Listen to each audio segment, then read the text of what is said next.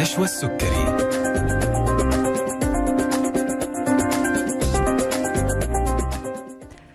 السلام عليكم ورحمة الله تعالى وبركاته. تحية طيبة لكم مستمعينا مستمعي ألف ألف أف أم الموجة السعودية. وأهلا وسهلا فيكم في حلقة جديدة من طبابة في يوم مميز وهو اليوم العالمي للإذاعة. يسعدني أكون معكم أنا نشوى السكري لمدة ساعة ابتداء من الآن وإلى الساعة 2 بعد الظهر. موضوع طبي جديد وضيف مميز جديد من ضيوفنا اللي دائما بيشرفونا في برنامج طبابة.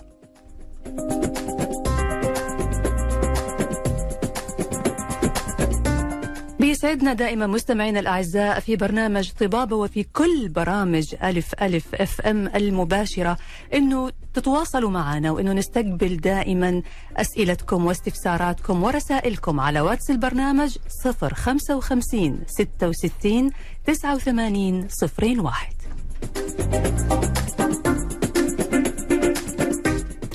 بإمكانكم كمان مستمعينا الأعزاء التواصل معنا من خلال حساباتنا على مواقع التواصل الاجتماعي أو من خلال تحميل تطبيق ألف ألف أف أم والتواصل معنا على الفيسبوك تويتر إنستغرام وحتى اليوتيوب. بإمكانكم الاستماع إلى إذاعة ألف ألف FM وإلى جميع برامجنا من خلال راديو طبعا من خلال السيارة وإنت في السيارة أو من خلال موقعنا على شبكة الإنترنت أو من خلال تطبيق ألف ألف FM. أيا كانت الوسيلة تقدر تسمعنا من أي مكان وفي أي وقت وفي أي زمان. خليكم دائما معنا مع ألف ألف أف أم.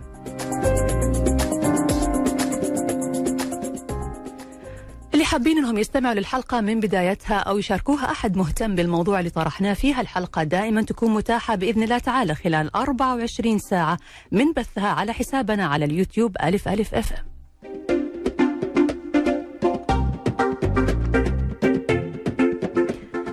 ومثل ما قلت لكم مستمعينا الأعزاء اليوم هو يوم مميز تحديدا للإعلام وتحديدا للعاملين في مجال الإذاعة لأنه اليوم هو اليوم العالمي للإذاعة اللي تم اعتماده يوم 13 فبراير من كل عام واللي يعني جرى اعتماد هذا اليوم في شهر سبتمبر 2011 وصار بعد كده بشكل دوري كل سنة في شهر فبراير. يوم 13 يصير في احتفال لهذا اليوم أو لهذه الإذاعة اللي بتعتبر طبعا أو كانت في وقت من الأوقات هي الوسيلة الأكثر انتشار وتأثير في كل المجتمعات. طبعا لما ظهر التلفزيون بعض الناس قالوا إنه الإذاعة هتضمحل وهتنتهي والناس خلاص ما هتسمع للإذاعة لأنه التلفزيون جاء وطغى على الإذاعة، ولما ظهرت مواقع السوشيال ميديا والإنترنت قالوا خلاص التلفزيون انتهى زمانه وانتهى عصره والآن هو عصر التكنولوجيا والإنترنت، لكن الحقيقة رغم إنه بتظهر أشياء جديدة. لا زالت الإذاعة محتفظة برونقها ولا زال لها جمهورها ولها متابعينها. وأعتقد أنه من أجمل الأوقات لما نركب السيارة ونشغل الراديو ونشغل المحطة اللي تعجبنا ونستمع للمذيع اللي دائما نفضل أنه إحنا نبدأ معاه يومنا أو أنه نستفيد منه بمعلومة معينة. ولأنه اليوم هو اليوم العالمي للإذاعة واللي هذه السنة جاء بمفهوم مختلف عن السنوات السابقة. هذه السنة جاء الإذاعة والسلام بيتكلم عن دور الإذاعة وأهميتها في نشر السلام وفي تعميم السلام. قديش السلام مهم في حياتنا وقديش الإذاعة كان لها دور مهم جدا على مدى سنوات وعلى مدى عصور في نشر المعلومة وتحقيق التوازن وتقبل الآخر وتقريب المجتمعات والثقافات من بعضها البعض. هذا العام الإذاعة والسلام كلمة ورسالة نوصلها للعالم كله ونقول كل عام والعالم في سلام.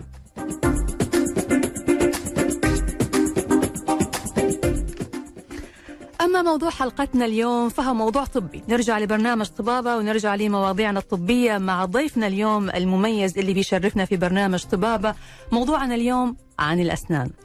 فقدان الأسنان ما هو مجرد مشكلة تجميلية أو مشكلة بتخلي الإنسان يبدو أنه أكبر من عمره بمراحل لكنه مشكلة بتسبب ضرر كبير على صحة الإنسان على صحة جسده على صحة فمه كمان. وبتمتد آه، هذه المشكلة وبي يعني بيطال أثرها ثقة الإنسان بنفسه بمظهره بحياته الاجتماعية وحياته النفسية وحتى في مجال عمله.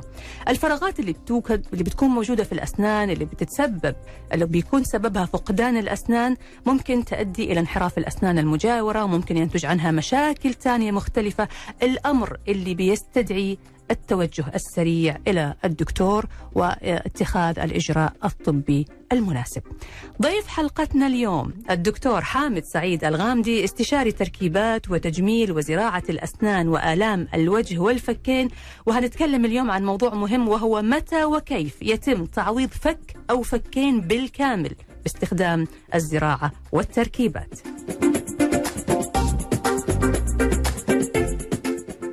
أرحب بضيفي في هذه الحلقة دكتور حامد سعيد الغامدي. حياك الله دكتور حامد وأهلا وسهلا فيك. الله يخليك دكتور نشوى أشكرك على الاستضافة الكريمة وأتمنى أنه نقدم حلقة مثرية للمستمعين الكرام. إن شاء الله دكتور حضرتك اليوم معنا في يوم مميز وهو يوم احتفالية عالمية بالإذاعة. وطبعا بما أنه إحنا إذاعة ألف ألف يعني ضمن المنظومة الإذاعية والمنظومة الإعلامية فإحنا بنحتفل مع حضرتك اليوم بهذا اليوم العالمي شرف كبير الله يسلمك.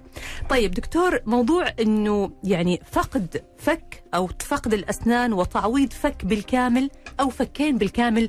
موضوع ممكن ما نقدر نتخيله أو أو نقدر نتصور أنه إحنا وصلنا إلى هذه المرحلة من التطور. تكلمنا عن هذا الأجراء. ممكن أعطيك سيناريو معين. يعني ممكن إحنا نوصل للمرحلة هذه في حال انه المريض وصل العيادة وعنده تسوسات عميقة لمعظم الأسنان.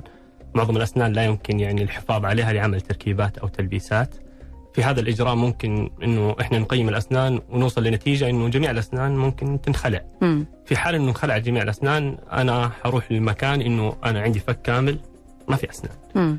في الوقت هذا مثلا لو الفك العلوي فيه 14 سنة آه، هل إحنا بنعوض 14 سنة ب 14 زرعة؟ بالعادة لا ما نوصل للإجراء هذا إنه كل سنة تتعوض بزرعة بس م. نروح لعدد معين، إحنا نبدأ من أربع زرعات كحد أدنى ونوصل مثلا لثمانية زرعات أو 10 زرعات كحد أقصى أربع زرعات في الفك الواحد في الفك الواحد بس م. هذه لها شروطها م. يعني لها شروطها لازم نعرفها وهي يعني باختصار أخطر مرحلة لأنه إذا وصلنا لثلاثة زرعات مثلا م. هنا الإجراء ما صار ثابت حي يعني حيروح العلاج لطريق يعني لخيار المتحرك مم. فأربع زراعات هي الحد الأدنى لعمل تركيبات ثابتة على زراعات والحد الأقصى زي ما قلت ممكن نوصل ل 8 ل 10 زراعات في بعض الأحيان آه طبعا السيناريو قلت لك تسوسات عميقة ممكن برضه مريض عنده مريض مريض آه مرض لثة متقدم جدا. آه صار تخلخل في الأسنان بشكل كبير. هذه الأسنان لا تستطيع إنها تكون دواعم لتركيبات ثابتة أو تركيبات متحركة، برضو تكون النتيجة النهائية إنه نخلع جميع الأسنان. هذه، م. نسيطر على مرض اللثة عشان ما يتكرر بعد ما نسوي زراعات.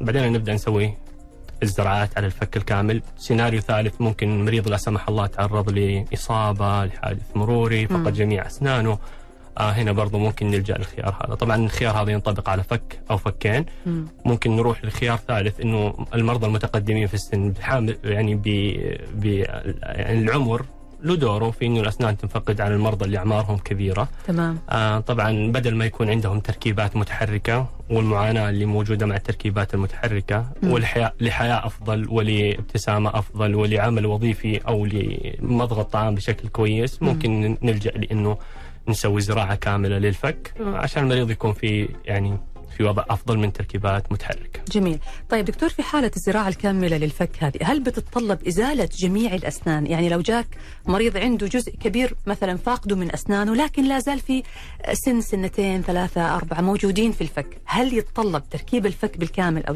عمل الزرعات بالإجراء اللي حضرتك أو بالمعيار اللي حضرتك ذكرته، إزالة الأسنان الثانية الصحيحة هذه؟ طبعا إحنا ما نزيل أسنان كويسة. يعني أسنان تتحمل إنها تكون موجودة. م. يعني عمرها يعني ما في إذا ما كان في سبب إنه إحنا نشيلها إحنا ما نشيلها. آه إجابة على سؤالك مريض جاني الفك عنده مثلا ست أسنان أو سبع أسنان سليمة. م. أنا بامكاني أحط زرعات بين الأسنان هذه وتكون أمورنا تمام. م. لكن مثلا بقيت عنده ثلاث أسنان. الثلاث أسنان هذه عمرها لو أجي أقارنه بالزراعة اللي أنا حاحطها حتكون أقل. على على المستوى المتقدم، إحنا مم. نتنبأ بالمستقبل نشوف الأسنان هذه الطبيعية قديش حتخدمه ونقارنها بالزراعة. إذا هذه الثلاثه أسنان حتحد لي الخطة العلاجية وحتخليني يعني أنزل من تصميم التلبيسات النهائية اللي هي على زراعات ممكن هنا أقيم المخاطر والمنافع لوجود هذه الأسنان، إذا شفت إنه المخاطر لبقائها على تأثير التصميم وعلى عمرها المستقبلي أكثر من منافعها في البقاء، مم. هنا أنا ممكن أضطر إني أنا اشيلها. مم. لكن إذا كانت كويسة وعمرها مقارب لعمر الزراعات في المستقبل ما حتأثر على التصميم حق التلبيسات حقتي. لا حخليها حخل- حخلي الأسنان وحافظ عليها. جميل. هنعرف من حضرتك كيف بيتم العلاج أو كيف بيتم عمل تركيب للفك بالكامل باست- باستخدام الزراعات والتركيبات لكن بعد ما نطلع فاصل قصير ونرجع بعده نكمل حوارنا. لازلنا نستقبل أسئلتكم واتصالاتكم واستفساراتكم على واتس البرنامج 055 66 89 01 فاصل ونواصل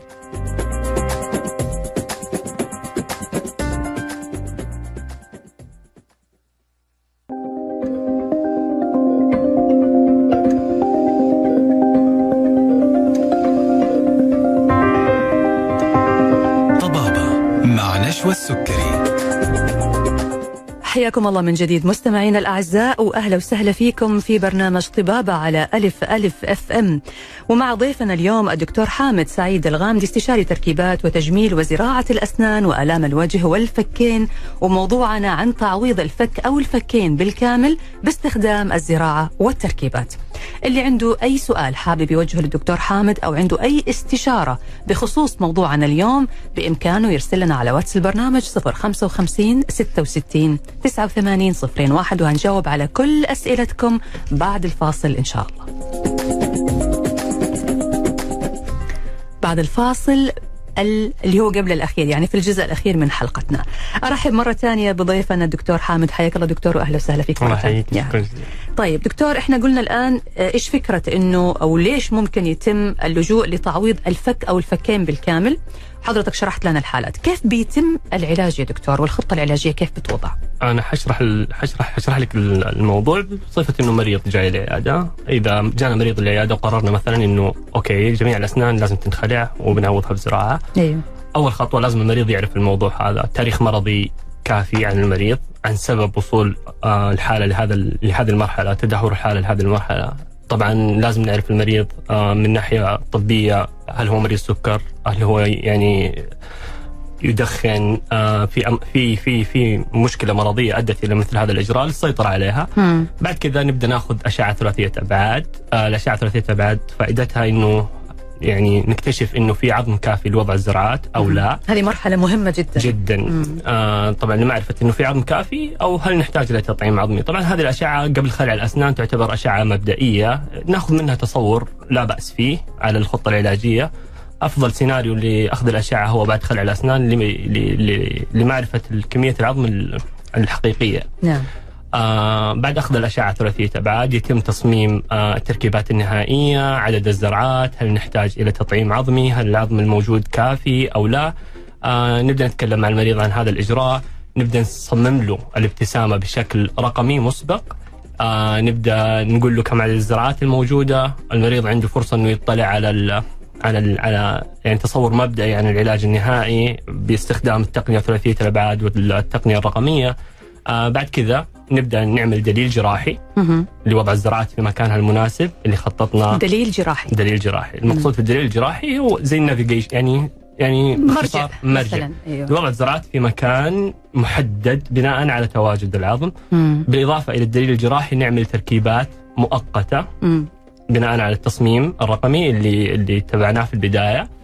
في يوم الجراحة نخلع الأسنان نوضع الزراعات بتتم الجراحة في العيادة ولا في طبعا في العيادة في العيادة. هي العياده يعني جراحة يوم واحد يوم واحد. ممكن نقدر نسويها في الأسنان إذا رغب المريض إنه في في إجراء آخر تخدير ممكن. آه، يعني موضعي عادي تخدير موضعي بنج. عادي صحيح مم. تخدير موضعي عادي مم. آه توضع الزرعات طبعا لما نحط الزرعات إحنا لازم تكون آه ثباتها في العظم بشكل كبير يعني برقم معين إحنا نقيسه إذا كان وصلنا للرقم هذا بإمكاننا مباشرة إنه نعمل تركيبة ثابتة على هذه الزراعات بحيث إنه المريض يطلع من العيادة شلنا أسنانه وضعنا زرعات سوينا له تركيبات مؤقتة. هي قريبة من النهائية شكلها جمالي وظيفي في كل الأحوال. ما شاء الله. لا سمح الله الزراعات ما كانت ثابتة بطريقة معينة أو إنه إحنا استخدمنا تطعيم عظمي كبير لتعويض العظم المفقود. مم. هنا ممكن يكون ممكن نعطي له تركيبة متحركة برضو جماليا وظيفيا كلها كويسة ونتابعها ونتأكد منها.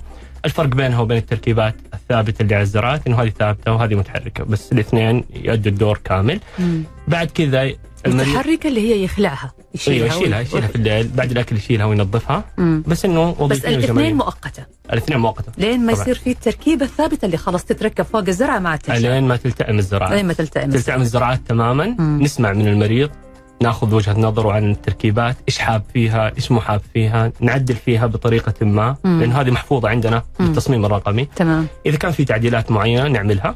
بعد كذا خلاص نروح للتركيبة النهائية. تمام تمام دكتور. طيب حضرتك ذكرت لي برضو نقطة مهمة ودائما بتأكدوا عليها أطباء الأسنان. مم. آه يعني حالة العظم. يعني تقول دائما إذا احتجنا أنه نضع كمية كبيرة من العظم البديل سواء كان طبعا عظم صناعي أو يعني أنا هذه الجزئية برضو حابة أني أوضحها أكثر أو أعرف من حضرتك أك- أكثر عنها.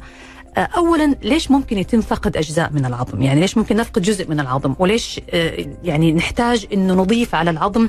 وإيش البدائل المستخدمة في هذه الحالة؟ طبعا هذه ثلاث أسئلة ما واحد. في مشكلة هو الأك... أنا حب... حبدا لك من التطعيم العظمي إيش مم. مت- متى نعمل تطعيم عظمي لا سمح الله في سن تحت خراج الخراج مم. هذا حياكل العظم اللي حوالين السن مثلا طيب أيوه الآن أخلع السن حلاقي تجويف امم بعد ما ما اشيل الخراج اللي كان تحت السن هنا مثلا لو السن كان عرضه 8 ملي مثلا وأنا بحط زرعة 4 ملي الفراغ أكبر من الزرعة. أكيد. فأنا لازم أزرع عظم على أساس إنه أتمكن من إني أنا أحط زرعة عرضها 4 أو 5 ملي هذا مم. رقم واحد. تمام. رقم اثنين فقدان الأسنان بشكل مبكر يخلي العظم يتاكل يعني ما يحافظ على بقاء العظم. يضمر مثلا. يضمر. مم. هذا خيار ثاني. تركيبات متحركة بدون مراجعة الطبيب على فترات مم. تؤدي إلى تآكل عظمي.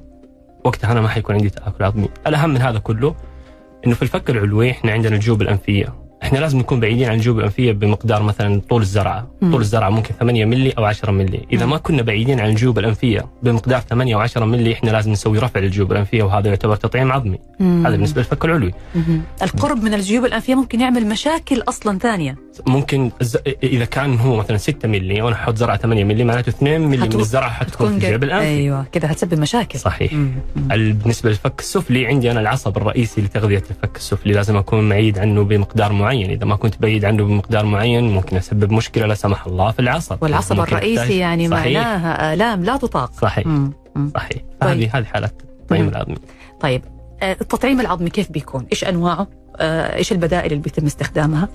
التطعيم العظمي ممكن يكون من نفس الجسم أو عظم صناعي من نفس الجسم من فين تأخذه يا دكتور؟ يعني على حسب صعوبة الحالة ممكن مم. نأخذه من المنطقة ال- ال- مقدمة الفك اللي هي هذه مقدمة الفك اللي هي الدقن. أيوه ممكن نأخذه من ال- الفك برضه ممكن ما يأثر لو أخذناه من الأماكن لا؟ إحنا نأخذ من أماكن ما عليها ضغط عالي ونأخذ بكميات يعني كميات صغيرة مم. إحنا يعني لازم تتخيل ال- المنطقة اللي إحنا حنرممها هذه تعتبر منطقة صغيرة في حالات متقدمة ممكن نأخذ من عظم الحوض ولا مو إحنا إحنا دكتور ال- الناس العاديين لما تقول هاخذ من الدقن هاخذ من ال... طبعا بنتخيل إنه في نص متر هيتشال من العظم لا. يعني يقول كيف همشي بدون دقني يعني إحنا لا بس إنه هذا باختصار هذا. خيار مم. بس الآن مع التقن- التقنية الموجودة والترميم في العظمي. ترى اغلب يعني أغلب العظم اللي بنستخدمه ترى يعتبر عظم صناعي صناعي ويعطي نفس النتيجة يعطي نفس النتيجة ويلتئم بشكل جيد مع العظم. الطبيعي صحيح إضافة إلى ذلك مم. ترى التطعيم العظمي مو مشكلة يعني إحنا ال- حالات التطعيم العظمي الكبيرة نقدر نتغلب عليها أحيانا مم. بتصميم الزرعات يعني مثلا الجيب الأنفي يكون قريب مني بمقدار 8 ملي.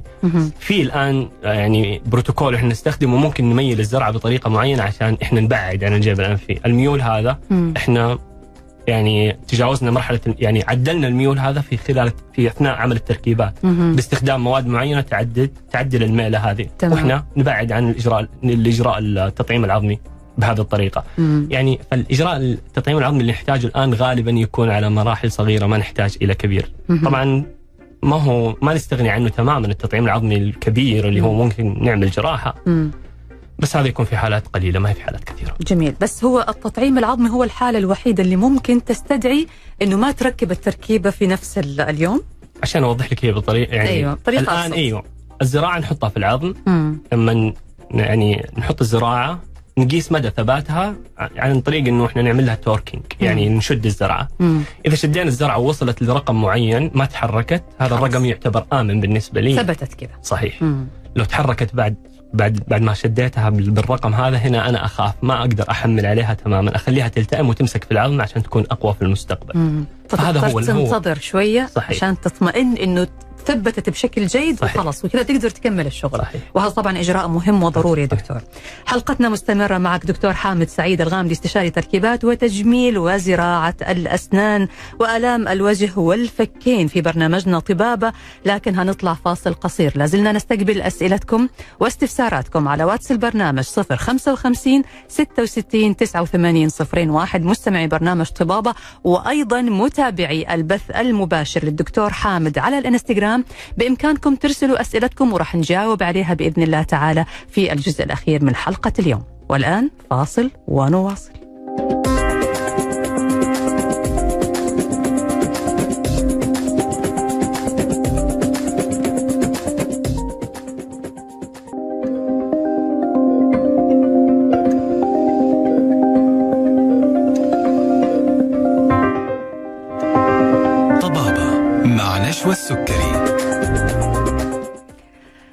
وسهلا فيكم مستمعينا من جديد. نحييكم ونرحب فيكم في برنامجكم طبابة على ألف ألف FM ومع ضيفنا الدكتور حامد سعيد الغامدي استشاري تركيبات وتجميل وزراعة الأسنان وآلام الوجه والفكين. موضوعنا اليوم كيف يتم تعويض الفك أو الفكين بالكامل باستخدام الزراعة والتركيبات؟ ولا زلنا نستقبل أسئلتكم واستفساراتكم واستشاراتكم على عيادة طبابة أونلاين على واتس البرنامج 055 66 89 01 مرحبا بكم جميعا وكمان بمتابعي الدكتور حامد الغامدي على الانستغرام خلال البث المباشر. حياك الله دكتور حامد. الله يحييك دكتور. نشوى طيب دكتور نرجع مرة ثانية لموضوع التعويض الفك أو الفكين بالكامل باستخدام الزراعة والتركيبات آه، إحنا بنتكلم عن عملية ما هي بسيطة صحيح. يعني يعني خلع, كل الأسنان وتركيب أسنان أو عمل زرعات وتركيب عمل تركيبة والشخص يخرج في نفس اليوم بابتسامة جميلة وحياة جميلة كيف بتكون حالة المريض أثناء العلاج يا دكتور؟ آه صحيح إنه أنت بتقولي إنه إجراء آه صعب وكذا بس الخطه العلاجية الموضوعة من البداية مم. سهل التحضير سهل طبعا أيوة. لو لاحظت يعني في بداية الحلقة الحين مع التقنية الموجودة مع الاشعه ثلاثية الأبعاد مع مع التصميم الرقمي للتركيبات بإمكاننا نعرف فين حنحط الزرعه، يعني يوم الجراحة إحنا ما حنحتار فين حنحطها، فين مم. مكان العظم، إحنا عارفين فين مكان العظم من البداية،. متوقعينه. يعني هي تحتاج ز- زيارة قبل العملية مثلا بأسبوع صحيح ينعمل فيها كل, كل الكلام شيء. هذا ويجي صحيح. المريض يومها صحيح. يعمل العملية هذه. باختصار نخلع. مم. إحنا عندنا دليل جراحي. عارفين كمية العظم الموجوده من قبل لا نخلع ونفك. مجهزينها مجهزين مقاس الزراعات وكل حلو. حاجة. مم. نخلع. نحط ال... نحط الدليل الجراحي نحط الزراعات. التركيبات المؤقتة. ما حنطول إنه. نصنع تركيبات مؤقتة. هي جاهزة. مم. فالإجراء يبان كبير صح. بس مم. التحضير للإجراء بطريقة ممتازة يقلل من من العواقب. وترى إحنا بنسوي وأنا سويت يعني إنه فكين كاملة في نفس اليوم خلعنا حطينا تقريبا 12 زرعة مم. حطينا مؤقت طلع المريض ما شاء الله في الفكين كاملة في الفكين كاملة يعني ست زرعات فوق وست ست زرعات, زرعات تحت. صحيح أي حضرتك ذكرت لي إنه تحديد عدد الزرعات بيعتمد على مقاييس معينة وحسابات صحيح. معينة عشان تكون يعني ال- الزرعة مضبوطة والفك يكون مضبوط وما يكون في مشاكل عملية القضم كمان صحيح. العضة تكون كل الأمور هذه يعني متناسقة مع بعضها آه، عدد الزرعات بالعادة مم. إذا كان خمسة أو ستة المفروض إنه ما يأثر على الوظيفة. امم الرقم هذا بس إنه إحنا باختصار في التصميم حيفرق معنا في التصميم. يعني المريض قد إيش؟ كم سنة يبغى؟ آه لازم نحدد مراحل الخطر. يعني زي ما قلت في البداية أربع زرعات يعني إحنا على borderline يعني إحنا قريبين مرة من من الخطر. لو مم. لا سمح الله صار فشل في زرعه حيصير التركيبة متحركة ما حتصير ثابتة. لو كنا ستة كويس في توزيع الزراعات كويس في اختيار المو... المواد يعني طبعا ستة زراعات لما يكون المريض مثلا عنده مثلا إنه بيجز على أسنانه عنده يعني عنده تاريخ يعني إنه عضته قوية مم. هنا لازم نسوي يعني عدد إضافي. من الزراعات عدد أكبر أيوه لكن إنه وظيفيا أربع زراعات المفروض إنها تؤدي نفس الوظيفة حقت ست زراعات. بس مم. المعايير تختلف في العدد يعني بناء على الخطة العلاجية. مهم. بس وظيفيا المفروض إنها ما تاثر نفسها تمام. وطبعا أكيد الدكتور عنده يعني من خلال الخطة العلاجية اللي وضعها هو عارف إيش العدد المناسب وبالقياسات اللي حضرتك ذكرتها صحيح. وبعد ال- يعني الأشعات والأشعة المقطعية وال3 دي والأشياء هذه كلها بيكون عارف بدقة بحسابات دقيقة للغاية النتيجة كيف هتكون. صحيح. تمام. طيب هي كم تستغرق يعني العملية دكتور؟ يعني إذا دخل المريض لو افترضنا إنه راح يعمل فك واحد. صحيح. تاخذ تقريبا من كم إلى كم؟ ممكن تاخذ من ثلاث ساعات إلى أربع ساعات. امم بس على ارجع أقول على حسب الخلع هل في جذور. متبقية لا سمح الله صغيرة حنتعب في إزالتها أو إنه الأسنان كلها يعني بتتحرك. امم هل آم، التطعيم العظمي أخذنا فيه فترة أو لا؟ هل لا سمح الله صار أي مثلا مريض سكر مريض ضغط الضغط كان مرتفع يعني ارتفع أثناء الإجراء لازم نحافظ على الضغط في مركز في مرحلة معينه يعني في في قراءة معينة ما تعرف الإج- بس إنه بالعادة إنه ثلاث إلى أربع ساعات المفروض إنه نكمل فك كامل. طيب هو برضه في سؤال ثاني دكتور هل هذا الإجراء هو الخيار الأول لجميع الحالات؟ طبعا لا آه أرجع أرجع أقول إذا في أسنان ما حتأثر على على الخطة العلاجية يعني ما حتأثر على إنه على المستقبل المريض قد إيش حتخدمه المفروض إني أنا أخليها يعني عمرها طويل. حخليها. إذا لا يعني عمرها أقصر من وضع زرعة أو إنها حتاثر على التصميم لا المفروض إني أنا أشيلها وأحط زرعات. تمام طيب بالنسبة دكتور لأصحاب الأمراض المزمنة زي مرضى السكر حضرتك قلت أنه بيجي المريض مثلا قبل إجراء العملية بفترة علشان تحطوا له الخطة العلاجية صحيح الخطة العلاجية هنا بتعتمد على أنه ت- تجهزوا الحالة أو تجهزوا الفم للعملية صحيح وبالتالي لازم ما يكون في عندهم مشاكل في اللثة ما يكون تعطينا برضو فكرة دكتور عن التحديات اللي ممكن تواجهكم لإجراء هذا العلاج آه مثلا مريض السكر مم. لو جاني في أول زيارة وسألته عن السكر التراكمي ولقيت إنه مرتفع مهم. طبعا السكر واحدة من مشاكل السكر إنه يسوي تخلخل في الأسنان وممكن أصلا عدم السيطرة على قراءات السكر هي اللي أدت إلى تدهور الحالة اللي جاه هو مم. المريض مهم. مسألة إنه أشيل أسنان المريض وأوضع زرعات وأنا ما سيطرت على ال- السبب الرئيسي في تدهور الحالة معناته الزرعات حقتي حتوصل لنفس المرحلة اللي وصلت لها الأسنان آه، يعني- ال- ال- الأساسية الزرعة نفسها زي السن الطبيعي صحيح. بيتأثر بكل شيء صحيح مم. لازم أنا أحافظ على قراءات السكر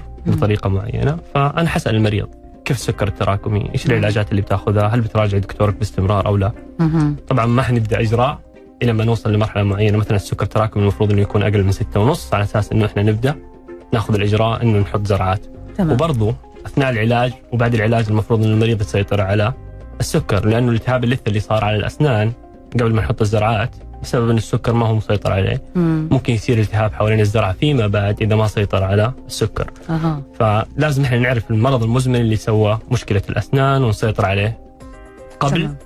وأثناء وبعد العلاج مهم. تمام دكتور طيب اللي عندهم مشاكل في اللثة مثلا أو خراج تحت اللثة أو بؤر صديدية في اللثة صحيح.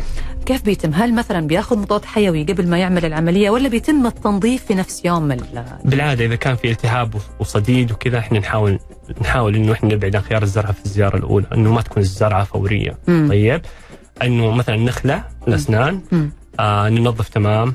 لو احتجنا إنه نعطي المريض مثلا أي وصفة علاجية نعطي له هي ونسوي له تركيبة متحركة لحد ما إنه العظم يكون صحته تمام وصحة الفم ما فيها أي. أمراض مم. وقتها إحنا نرجع نصمم التركيبات فهو حيكون في مرحلة انتقالية للتركيبة المتحركة طبعا ما هي كلها لو كان الصديد موجود بس في مكان واحد وبقية الأسنان كلها تمام يتم تقييم الحالة بشكل دقيق أثناء الجراحة وتقييم المخاطر والمنافع من وضع الزرعة أو عدم وضعها وبناء عليها يتم آه، أخذ الإجراء. تمام طيب هذا الإجراء أو هذا العلاج يا دكتور هل هو نوع واحد ولا في عدة أنواع منه لا طبعا في عدة أنواع منه. آه، طبعا المواد تختلف في مم. التركيبات، أول شيء لازم نعرف إنه عدد الزرعات مثلا تكون أربعة. آه هنا حيكون في لها تصميم معين. عدد الزرعات ستة حيكون لها تصميم معين. يعني مثلا أربعة أربع زرعات الفك حيكون قطعة واحدة. يعني أنا قبل أركبه على الزرعة لما أطلعه وأحطه في يدي كذا حلاقي كل الأسنان مرصوصة مع بعض آه. مكان واحد. كتلة واحدة. كتلة واحدة. أيوة. مم. لو حطيت مثلا أنا ثمانية زرعات ممكن يكون الفك مقسم على ثلاثة قطع اللي هو كان خارج. خارج خارج فم المريض. مم. يعني حركب مثلا قطعة على زرعتين قطعة ثانية على زرعتين قطعة ثالثة على زرعتين مثلا. مم. فكل ما قل عدد الزرعات كل ما كانت قابلية إنه إحنا نقلل القطع قل طبعا هذه إيش فائدتها مم. التنظيف في في في القطعة الواحده لازم نستخدم الووتر جيت لازم نستخدم آه، حاجات معينة في التنظيف. إذا كانت متفرقة آه، التنظيف ممكن نستخدم طرق أخرى. آه، لا سمح الله صار أي مشاكل في التركيبة فيما بعد. لو كانت على أربع زرعات هي قطعة واحدة ممكن. نرجع نعيد الزرع يعني نعيد التركيبة كاملة لكن لو كانت أكثر من قطعة وصار مشكلة في قطعة معينة ما حنضطر نعيد التركيبة كاملة هذا صح، هذه ميزة. هذه ميزة مم. آه في في مواد ثانية إحنا نستخدم أحيانا الأكريليك هذا مم. سعره أقل بشكل كبير من من من, من مثلا من الزيركون ولا من ال E.max مثلا مهم. بس ال- المفرح في المواضيع هذه إنه أرجع أقول مع التقنية إحنا وصلنا لمرحلة إنه يكون مشاكل ال maintenance يعني المحافظة على التركيبات أقل بحيث إنه إحنا نحط قاعدة من التيتانيوم مثلا ولا من الكروميوم بعدين نحط التركيبات واحدة واحدة على القواعد هذه بحيث إنه لو سمح الله صار مشكلة ما حيصير مشكلة في, ال- في البيز اللي هي التيتانيوم ولا الكروميوم يصير مشكلة بس على التركيبة مم. نغير التركيبة كأنها كانت تركيبة على سن لوحده نشيلها بس مهم. وهي أصلا محفوظة عندنا في المكتبة الرقمية نسوي واحد بداله ونحطه. مع تطور التقنية واستخدامها بالطريقة المثلى يسهل يسهل يسهل كل شيء. جميل طيب هو في دكتور يعني سؤال دائما يتكرر وأنا يعني مضطرة إني أسأله لحضرتك بس ممكن تجاوبني إجابة عامة عليه صحيح يعني الناس تقول ف يعني تعويض فك بالكامل أو فكين أكيد إنه التكلفة حتكون مرتفعة جدا جدا ويمكن بعض الناس يحجم عن إنه ياخذ هذا الإجراء لأنه هيعتبر إنه فك وكل الأسنان هذه هتنزرع وكل. فبرضه حابة إنه حضرتك تعطينا فكرة بشكل عام يعني. صحيح. إحنا التركيبات المتحركة موجودة من زمان. مم. وهي خيار يعني من بدأت الأسنان موجود. وإحنا نسمع إنه في تركيبات متحركة. التركيبات المتحركة إذا عملت بالطريقة المناسبة تؤدي وظيفتها. تمام. أوكي؟ مم. طبعا المريض في مرضى كثير عايشين بتركيبات متحركة إذا صنعت بطريقة كويسة. مم. لما نطلع على مرحلة الزراعة مو شرط إنه إحنا نطلع على ثابت وست زرعات،. بامكاننا أصلا نحط زرعتين على تركيبة متحركة ونخلي التركيبة المتحركة هذه تدعم. على الزرعتين هذه، تصير متحركة ومدعومة على زرعتين، وتتوافق مع إمكانيات توافق مع إمكانيات المريض، وظيفيا حيكون مرة مبسوط، مم. ممكن نعمل الفك اللي فوق بالعادة يثبت لو كان متحرك، مم. المشكلة دائما تكون في الفك اللي تحت، لو سويت الفك اللي تحت ثابت على أربع زرعات مم.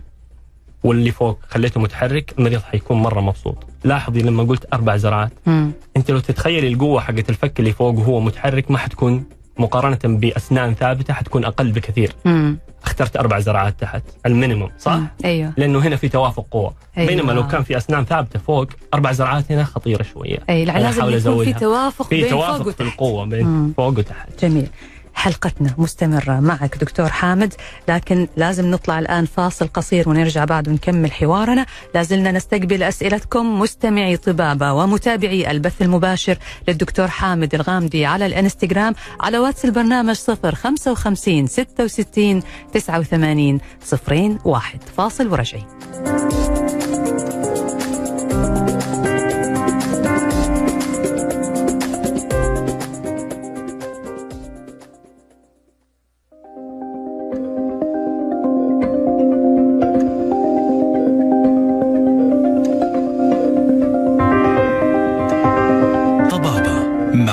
السكري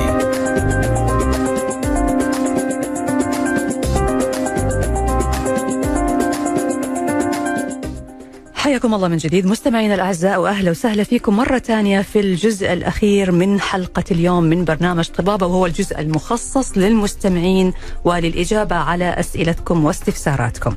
قبل ما نبدأ الإجابة على أسئلة المستمعين باقي عندنا سؤال يا دكتور حابين نسال يعني نسأل حضرتك عليه وهو كيف يحافظ المريض على فم سليم بعد الانتهاء من العلاج وعمل التركيبة هذه للفك الكامل أو للفكين. آه طبعا أثناء التصميم وأثناء المرحلة المؤقتة إحنا نختبر قدرة المريض على التنظيف. ضروري مثلا إحنا لما تكلمنا عن إنه إحنا بنحط زراعة بعدين نحط تركيبة ثابتة مؤقتة. إحنا. التصميم تبع التركيبة الثابتة المؤقتة بحيث إنه نسمح للمريض نعطيه يعني نعطيه الإمكانية في تنظيف التلبيسه ونقيم مثلا نراجع هنا التنظيف كيف كان مثلا كويس أو لا؟ هل في مشكلة في الديزاين في التصميم؟ نعدله بحيث إنه المريض يتمكن بالتنظيف بشكل كويس. تمام. قبل لا ننتقل للنهائي. لما ننتقل للنهائي ننتقل تقريبا بنفس التصميم حق المؤقت اللي راضي عنه المريض تمام. واللي يسمح له ينظف. تمام.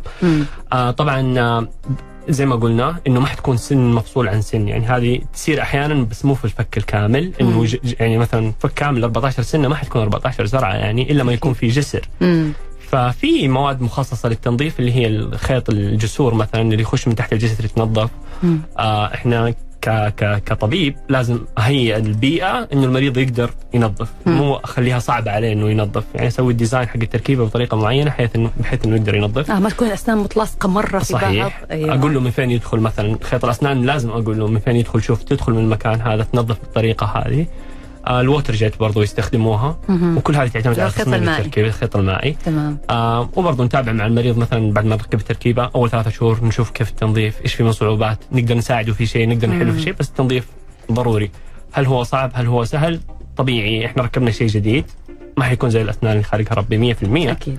في صعوبات في التنظيف بس الفائدة حق التركيبات على زراعات أكبر بكثير من إنه صعوبة في التنظيف. أكيد دكتور.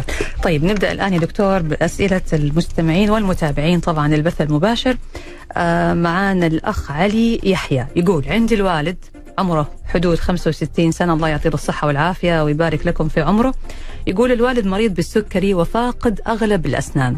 فإيش الإجراء المناسب؟ وإذا تقدروا تساعدوني لعلاجه أكون شاكر ومقدر لكم وجزاكم الله خير الجزاء. آه طبعا لازم نشوف التاريخ المرضي تبع السكر. آه نطلب التحاليل اللي هي زي ما قلنا السكر التراكمي ونشوف إيش الوضع آه الوضع السكري. بعدين نبدأ نشوف له التركيبة المناسبة. نبدأ أصلا من تركيبة متحركة وبعدين نوصل على الزراعات. تركيبة متحركة ممكن تؤدي الغرض. زرعتين مثلا على تركيبة متحركة تساعد تؤدي مم. الغرض وبرضه تعطي المريض فرصة فيما بعد لو كان يعني يبغى يعمل مثلا تطور في العلاج يزود زرعتين ممكن يحولها لثابت فدائما. وضع الزراعات مثلا لو حط لي الزراعتين على تركيبة متحركة مم. لسه عندي الفرصة في يوم من الأيام إني أزود عليها زرعتين وأسوي ممتاز ثابت يعني مو بالضروري يسوي كل الفك مرة واحدة صحيح على ممكن قدر إمكانياته. المادية ممكن. بس أهم شيء يحافظ على مستوى السكر صحيح لازم يحافظ على مستوى السكر وبالنسبة لل- لل- للمساعدة ممكن يعني يتفضل عندنا العيادة شوفه نسوي له كشف مبدئي ونشوف إيش الوضع. الله يعطيك العافية دكتور. ما تقصر دكتور حامد. شكرا لك. طيب في سؤال يا دكتور هو بعيد شوية عن موضوعنا بس يعني برضو لازم نجاوب عليه. السؤال من هبة من جدة حياك الله يا هبة تقول بسأل عن العدسات الفينير. هل ممكن بعد فترة تأثر على الأسنان؟ وهل ممكن بعد تركيبها تختلف مقاساتها مع تقدم العمر؟ تأثر على الأسنان إحنا بنسوي بنسوي علاج للأسنان لازم يكون له سبب مم. إحنا دائما لما نقول إحنا نقيم المخاطر والمنافع إذا كانت الأسنان زمان شكلها كويس وسوينا فينير عليها بدون حاجة مم. طبعا هذا يعتبر تأثير مم. لكن لو كان شكلها مو كويس وسوينا عليها تلبيسات هذا يعتبر تطور صح هذا هذه نقطة لازم نتفق عليها. بالنسبة لسؤالها إنه هل يختلف مقاسها مع العمر؟ إحنا نتكلم هنا على عاملين، مم. يعني عشان إن شاء الله إني فهمت سؤالها تمام، إذا كانت اللثة انحسرت هنا في مشكلة في تصميم التركيبات، مم. إذا كانت تقصد بالمقاسات انه والله الاسنان بدأت تبان أكبر شكلها، معناته. اللثة ممكن انحسرت وطلعت على فوق فبان شكل الأسنان أكبر. هذا بسبب التفريش القاسي ولا بسبب هذا بسبب ممكن التصميم تبع التلبيسات إنها كانت يعني لاصقة في بعض كلها ما مم. سمح بال يعني ما سمح للمريض إنه مثلا إنها تنظف بشكل كويس أو المريضة ما كانت تنظف بشكل كويس. فانحسرت اللثة هذا واحد مم. فراغات ممكن تقصد إنه صار في فراغات بين الأسنان يعني يا- طول السنة يا فراغات هذه مم. ممكن إنه المريضة أصلا عملت علاج تقويم وكان عندها فراغات قبل لا تسوي الفينير. بعدين سوت الفينير بعد ال... بعد التقويم رجعت الأسنان لمكانها الطبيعي. آه هل تؤثر؟ إذا كانت مصممة بطريقة كويسة المفروض إنها تؤدي نفس الوظيفة اللي للأسنان. فيعني مع الوقت المفروض إنها ما تأثر ولا أي حاجة ولا تغير مقاساتها. بس يفضل طبعا آه، زيارة الدكتور صحيح. أو الطبيب لل... يعني إذا كانت عندها حالة معينة عشان يشخص الحالة مضبوط ويعرف إيش المشكلة. صحيح. طيب في دكتور آه، أسئلة جاتنا يقول السلام عليكم هل الدكتور له عيادة في الرياض؟ الدكتور حامد هل له عيادة في الرياض وشكرا. لا للأسف هذا موجود في في جدة حضرتك موجود. طيب آه، عندنا كمان سؤال يقول هل يمكن حدوث تسوس في داخل أسنان التركيب؟ آه إن شاء الله أني فهمت السؤال، الآن التركيبه عشان أبسط الموضوع ويكون واضح. لو كان عندي سنة طبيعية مم. يحدث التسوس من من من من السطح الخارجي للسنة للسطح الداخلي، صحيح؟ تمام أي الآن أنا لما أسوي تلبيسة التلبيسة هذه موضوعة على سنة، في مم. نقطة التقاء للسنة مع التلبيسة، نقطة مم. الالتقاء هذه تظل سن، مم. الجذر يظل سن، صح فالجذر معرض إنه يتسوس. نقطه التقاء التلبيسة مع السنة ممكن تتسوس، بس. بس هذا هل هو مشكلة في الأسنان؟ خليني أبسط لك هي. مم. التركيبات إحنا لما نعملها نجيب التركيبة من المعمل نحطها على السنة ناخذ أشعة نتأكد إنها مقفلة من كل النواحي إذا كانت مقفلة من جميع النواحي نعمل انه نلصق السنة مثلا بعد ما نلصقها ناخذ إكس راي أشعة نتأكد إنه ما في أي شيء زايد مم. نقطة التقاء السنة والتلبيسة ممتازة تمام. إذا كانت ممتازة هنا يصير دور المريض إنه ينظف تمام إذا حصل تسوس بسبب مشكلة في التركيبة هنا المشكلة في التركيبة إذا مم. حصل تسوس وتركيبة كويسة معناته المشكلة في التنظيف مهم. طيب ناخذ يا دكتور برضو الأسئلة هذه بسرعة هل تركيب الأسنان يسبب رائحة كريهة آه إذا معمول بطريقة كويسة زي ما قلنا وما في فراغات مم. مشكلة التلبيسة تمام المفروض إنه ما يسوي. ونوع التركيبة برضه. نوع التركيبة المفروض إنه سيراميك مثلا لو كانت أكريليك أكريليك طبعا حتطلع ريحه ما هي كويسة بس لما تكون سيراميك بس ما تطلع ريحه المفروض. okay تمام. طيب كيف تقاس درجة متانة الزرعة قبل وضع التركيبة؟ آه طبعا. إحنا لازم نتفق إنه المنطقة الأمامية من الفك قوة العضه فيها أقل. يعني لو واحد بيأكل ستيك مثلا حيأكله في المنطقة الخلفية ما حيأكله في المنطقة الأمامية. فهنا القوة كبيرة. فأنا هنا أحتاج إنه أكون الزرعة عرضها أكبر. مم.